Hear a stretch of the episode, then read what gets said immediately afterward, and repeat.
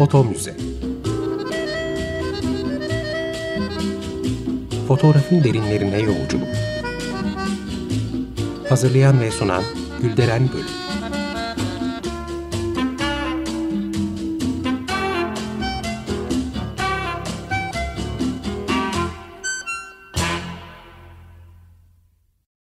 Merhaba değerli dinleyiciler, fotoğraf tarihçiniz ben Gülderen Bölük.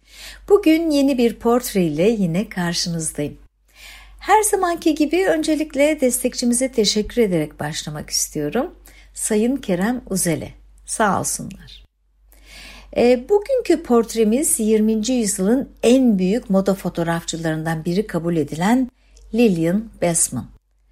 Onun resimden fotoğrafa uzanan kariyerini ve bu alandaki inişlerini ve çıkışlarını konuşacağız.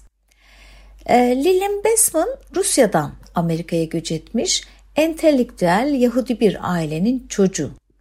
1917 yılında New York'ta dünyaya geliyor. Ailesinden yana şanslı diyebiliriz e, çünkü özgür düşünceye sahipler. E, kızlarının da bağımsız ve sıra dışı bir kadın olarak kendini var etmesine izin veriyorlar. Yani böylesi bir zihniyetle büyütüyorlar kızlarını. Besman e, lise yıllarında hayatına etki edecek önemli bir hocanın öğrencisi oluyor. Alexei Brodovich'in. Bildiğiniz gibi Harper's Bazaar gibi ta 1867 yılından beri yayın hayatında olan ikon bir derginin sanat direktörü Alexei Brodovich. Tabii onun e, bu koltuğa oturması da hiç tesadüfi değil elbet. O da ikon isimlerden biri. E, kendisi bir grafik sanatçısı ve fotoğrafçı olarak oldukça önemli bir isim. Brodovich Birinci Dünya Savaşı sırasında Fransa'ya yerleşmiş. E, burada sanatla iç içe olmuş ve yine kendi gibi Paris'e gelmiş olan e, ve Balerus'un kurucusu olan Sergei Pavlovich için dekorlar boyamış. Efendim boş zamanlarında da çini, takı, tekstil tasarımları yapmış önemli biri. Zaten 1900'lerin başı ve Paris demek de e, yeterli gibi geliyor.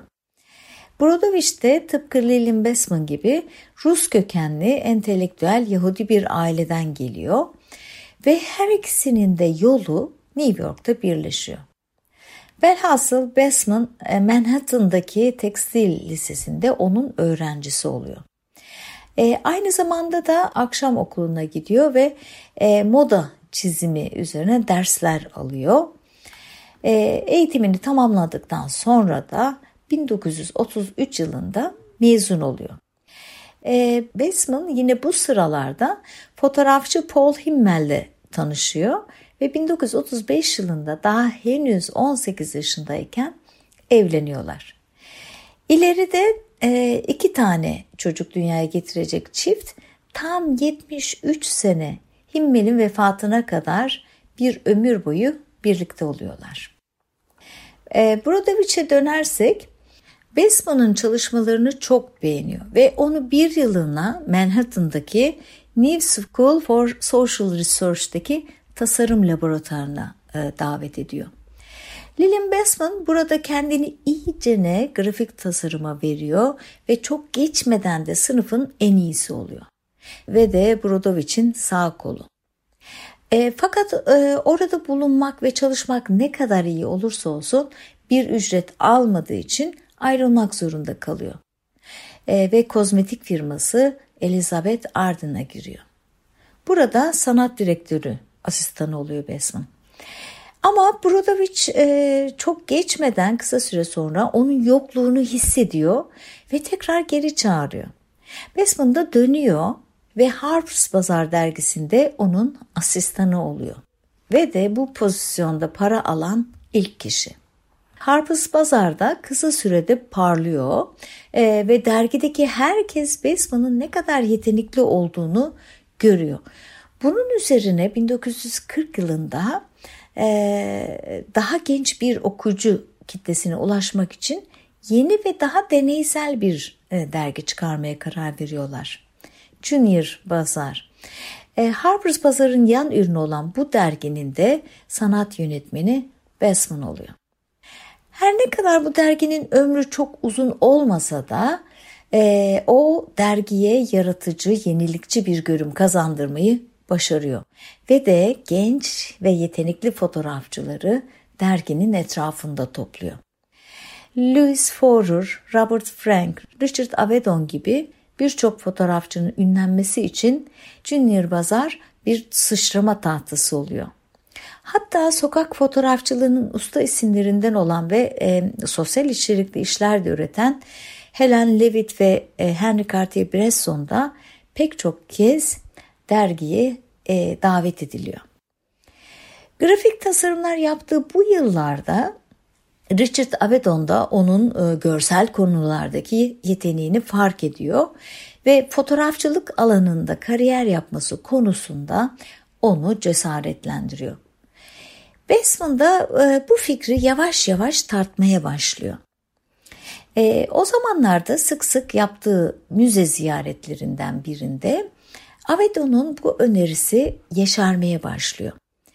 E, müzede usta Flaman ressam Hans Memnick'in resimlerini görüyor Bestman ve e, onun resimlerindeki kadınlara hayran kalıyor. Aynı şekilde El Greco'nun e, eserlerinden de çok etkileniyor. Onun yarattığı figürleri de son derece zarif buluyor ve bu zarafet karşısında büyüleniyor. Besman kadınlara bu şekilde bir bakışın o zamanın fotoğraflarında olmadığını fark ediyor. Ve de o an e, fotoğraf makinesiyle tam olarak bu bakış açısını, bu zerafeti yakalamak istiyor. Bundan sonrası da onun fotoğrafçılığa uzanan hikayesindeki ilk adımları oluyor. Bu düşüncesini yansıtacak işler ortaya koymaya çalışıyor. Bir ara Richard Avedon seyahate çıkarken e, ona karanlık odasının anahtarlarını veriyor. O da e, burada banyo işlemleriyle uğraşıyor ve de film yıkamanın, basmanın inceliklerini keşfetmeye çalışıyor. E, bu tutkusu kısa sürede artıyor e, ve giderek daha fazla e, eline kamerayı almaya başlıyor. Bir gün Brodovic ona gelecekte ne yapmak istediğini soruyor. Sanırım fotoğrafçı olacağım diye cevap veriyor o da. Ve de fotoğrafçı oluyor. Ama çalışmaları öyle e, ilk etapta hemen kabul görmüyor. Özellikle derginin yayın yönetmeni Carmel Snow tarafından. 1949 yılında Harper's Bazaar için e, fotoğraf çekmek üzere Paris'e gidiyor. Döndüğünde biraz puslu romantik fotoğraflarını Carmel Snow'a uzatıyor. Ama Snow sonuçlardan hiç de memnun kalmıyor ve ona sanat yapmak için değil düğmeleri ve fiyonkları fotoğraflamak için buradasın diyor. Besman bu Paris çekiminden sonra daha fazla seyahate gönderilmiyor. Ee, ama e, önündeki 15 yıl boyunca Amerikan e, koleksiyonlarını e, özellikle de geceliklerin ve iş çamaşırların, mayoların fotoğrafını çekiyor. Gerçekten onun iş çamaşırı çekimleri moda dünyasında çığır açacak nitelikte. Aslında yine ürüne dair tam bir detay barındırmıyor bu fotoğraflar. E, belli bir atmosfer içinde fotoğraflanan modeller e, belli bir yaşam tarzını çağrıştırıyorlar. Besman için bu yaklaşım ürünün ayrıntılarından çok daha önemli. Lillian Besman'ın bu fotoğraflarını ve diğerlerini Fotomuze Türkiye adlı Instagram ve Twitter hesaplarından paylaştım. Oradan takip edebilirsiniz. Peki biraz daha e, çalışmalarını, onları yaratma süreçlerini inceleyelim.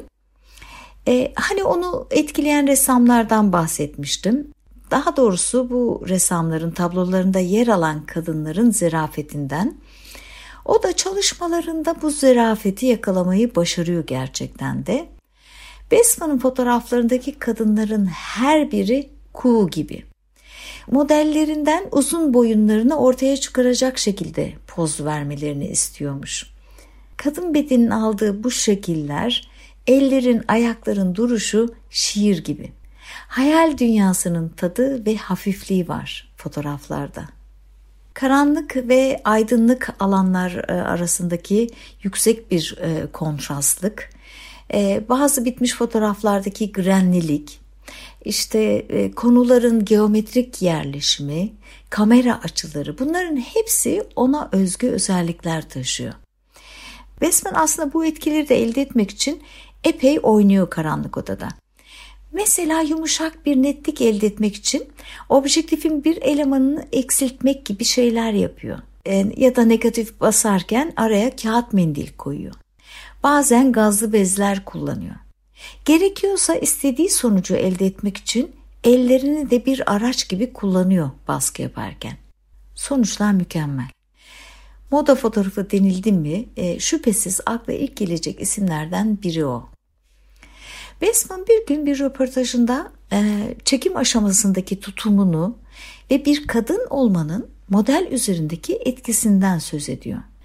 Modeller erkeklerle çalışırken poz veriyorlar ama benimle her zaman ve tamamen rahatlar. Ben sadece bir kadının fotoğrafını çeken bir kadınım diyor. Gerçekten de Bisman karşısındakinin içinden, ruhundan, e, derinlerden en zarif taraflarını ortaya çıkarmayı ve bunu da en estetik şekilde fotoğraflamayı biliyor. Onun iç giyim fotoğrafları bile nesnesinden ve seksapelden uzak birer sanat eseri gibi. Besman'ın içinde bulunduğu döneme ve hemen öncesinde de moda fotoğrafçılığının yeşerdiği zamanlara da değinmek istiyorum biraz. Ee, ilk moda dergisi olarak anılan Harper's Bazaar 1867 yılında yayınlanmaya başladı dedik. 1892 yılında da Vogue çıkıyor e, sahneye. E, illüstrasyonların yer aldığı bu dergilerde baskı tekniklerinin gelişimine bağlı olarak zamanla fotoğrafta yer alıyor. Ama gerçek manada moda fotoğraflarını 1900'lerin başlarında e, görmeye başlıyoruz. Mesela baron ünvanına sahip olan Adolf de Mayer ilk moda e, fotoğrafçıları arasından oluyor. Kendisi 1914 yılında Vogue dergisinin tam zamanlı olarak işe alınan ilk fotoğrafçısı oluyor. Sonrasında Harper's Bazaar içinde çalışıyor. Aralarında devamlı bir rekabet olan bu iki dergi moda dünyasına yön veriyor. Tabi doğal olarak da pek çok fotoğrafçıyı bu derginin etrafında görüyoruz. Horst P. Horst, George Hoyningen Hüne, Martin Munkaci ve Edward Steichen gibi isimleri en önde gelen moda fotoğrafçılarından kabul edebiliriz. Zamanı biraz ileri sardığımızda ise bu alanda Lillian Besman'ın dışında Cecil Beaton, Richard Avedon, Irving Penn ve Helmut Newton gibi efsane fotoğrafçıları da görüyoruz. Evet değerli dinleyiciler e, konumuza kaldığımız yerden devam edeceğiz. Ama dilerseniz şimdi küçük bir müzik arası verelim. Biraz geçmişe gidelim. E, Bobby Hebb söylüyor Sunny. Tekrar merhaba. Foto Müze'de e, moda fotoğrafçısı Lillian Bestman'ı konuşuyorduk. Harper's Bazaar ve Vogue dergileri etrafında toplanmış diğer fotoğrafçıları da andık. Tabii o dönemde moda fotoğraflarının siyah beyaz olduğunu, yer yer bugünkü anlayışımızdan uzak olduğunu ve her bir sanatçının da kendine göre bir tarzı olduğunu belirtelim. Ama öte yandan da bir portre ile moda fotoğrafının ya da bir e, sokak fotoğrafı ile moda fotoğrafının yer yer iç içe geçtiğini de e, söylemeliyim. E, bu kötü bir şey değil tabii tersine bir zenginlik. Tarzlar dedik. Mesela kimi fotoğrafçılar modellerini açık havada veya ilginç yerlerde, egzotik bölgelerde fotoğraflıyorlar. Örneğin Richard Avedon'un Dovima ve Filler adlı o olağanüstü çalışması böyle. E, bu fotoğrafı çekmek için o zarif modelini Dovima'yı bir sirke götürüyor Avedon. Tam tersi sadece stüdyoda çekim yapan fotoğrafçılar da var. E, bazıları da sıra dışı kamera açıları kullanarak fark yaratmaya çalışıyorlar. Yani pek çok fotoğrafçının pek çok farklı yaklaşımı var e, moda çekimlerinde. E, Besman'ın fotoğrafları da farklı dedik.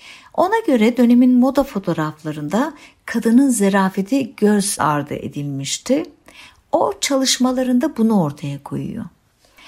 Onun o romantik görüntüleri moda fotoğrafçılığında devrim yaratıyor ve oldukça da aranan bir isim oluyor.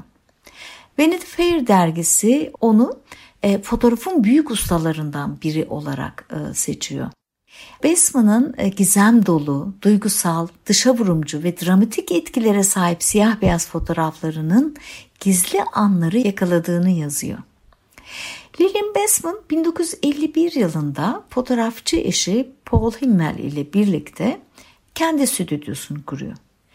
Burada hem Harper's Bazaar için e, sık sık moda fotoğrafları çekiyor hem de çok çeşitli alanda ve geniş gamda reklam fotoğrafları çekiyor. New York Times'a söylediği gibi fotoğraflanabilecek her şeyi fotoğrafını çekiyor. Ama 1962'den itibaren modadan biraz uzaklaşıyor ve ağırlıklı olarak daha çok reklama kayıyor. Aradan biraz daha zaman geçtiğinde ve 1970'lere gelindiğinde ise Baseman değişen moda endüstrisinden ve beklentileri oldukça yüksek olan modellerden yana çok bunalıyor ve artık bu alanda çalışmak istemiyor. Çok sonraları The Times'a her birinin bir süperstar olduğunu ve onlardan bıktığını söylüyor. Onlar benim tarzım modeller değildi. Yönlendirmek yerine dikte ediyorlardı diyor. Bu durum onda bir hayal kırıklığı da yaratıyor ve stüdyosunu aniden kapatma kararı alıyor. Ve de tüm hayatı boyunca çekmiş olduğu negatifleri ve baskıları çöpe atıyor. Lillian Besman bu radikal kararının ardından e, bu kez kendisi için fotoğraflar çekiyor. Meyveleri, sebzeleri ve çiçekleri bir takım soyutlamalar yaratarak fotoğraflıyor. E, sonra da onların sibakrom baskılarını elde ediyor. Burada Besman'ın erkeklerle yapmış olduğu bir dizi fotoğraftan da söz etmek istiyorum. Aslında o fotoğrafların ona ait olduklarını bilmeseydim e, asla onun ürettiğini düşünmezdim. Çünkü kadın modellerini bu kerte zarafetle ortaya koyan bir fotoğrafçıdan beklenmeyecek bir yaklaşım sergiliyor. Erkek bedenlerinin oldukça deforme edildiği grotesk çalışmalar bunlar. Tabii sonuç e, olarak renkler, leke değerleri çok hoş. E, yani başarısız çalışmalar demek istemiyorum. Sadece onun tarzına aykırıymış gibi duruyor. Besman e, fotoğraf çalışmalarının yanı sıra ayrıca The New School of Design'da hocalık da yapıyor. E, 1985 yılından itibaren 10 yıl boyunca burada dersler veriyor. Fakat e, 90'ların başında ilginç bir şey oluyor. Yüzlerce fotoğrafla dolu bir şekilde unutulmuş bir çanta aradan 20 yıl geçmesine rağmen yeniden keşfediliyor. Aslında Besman'ın bir kenara attığı ve unuttuğu değilse bile görmezden geldiği fotoğrafları onun bir arkadaşı tarafından yıllar yılı sessizce durdukları yerden bulunup çıkarılıyor. Ve yine bu arkadaşı Besman'ı tekrar fotoğrafçılığa devam etmesi konusunda yüreklendiriyor. O da hakikaten geçen yılların ardından bu fotoğrafları yeniden elden geçirmeye razı oluyor. Daha doğrusu hazır oluyor. Besman oldum olası karanlık odaya, e, oradaki banyo ve baskı işlemlerine düşkün biri. Onun bu ilgisi o 87 yaşına geldiğinde artık Photoshop'a yöneliyor ve son derece meraklı ve ilgili bir kullanıcı oluyor. Ve bu sayede de yıllar önce çekmiş olduğu bu görüntülerde ilginç efektler elde ediyor ve yeni varyasyonlarını yaratıyor. E, kendi deyimiyle onları yeniden yorumluyor. Ve onun bu çalışmaları o kadar çok beğeniliyor ki yeni bir hayran kitlesi yakalıyor. Baseman 1997 yılında The New York Times'a verdiği bir röportajda bu fotoğrafların sertliğini ortadan kaldırmak istediği için e, bir takım artma işlemleriyle bazen de yakarak veya belli bölgeleri netleştirip belli bölgeleri yumuşatarak bu sonuçları elde ettiğini söylüyor. Ee, onun yeniden yorumladın dediği bu fotoğraflar dediğim gibi o kadar ilgi görüyor ki 1996 yılında e, The New York Times'tan yeni bir iş teklifi alıyor. Paris koleksiyonlarını o fotoğraflıyor. E, Baseman tekrar işine geri dönüyor ve ikinci kez başarılı bir kariyer elde ediyor. Sadece New York Times'ta değil, Vogue içinde e, çalışmaya başlıyor ve de 2004 yılına kadar yeniden harika işler üretiyor. Yani 87 yaşına kadar. Ama kendisi için çalışmalarına bu yaştan sonra da devam ediyor. Ve 90'lı yaşlarına kadar dijital teknoloji kullanarak renkli fotoğrafçılık alanında bir takım soyut fotoğraflar e, üretiyor. Sonrasında da Photoshop kullanarak görüntü üzerine de bir takım manipülasyonlar elde ediyor. Ve bu ilham veren olağanüstü kadın 2012 Şubat'ında 94 yaşında geriye müthiş fotoğraflar bırakarak aramızdan ayrılıyor. Evet değerli dinleyiciler yine vaktimiz doldu. E, ayrılmadan evvel sosyal medya hesaplarını tekrar hatırlatmak istiyorum. Bizi Fotomuzu Türkiye adlı Twitter ve Instagram hesaplarından takip etmeyi unutmayın. Bir sonraki programda buluşuncaya dek kendinize iyi bakın, sağlıcakla kalın.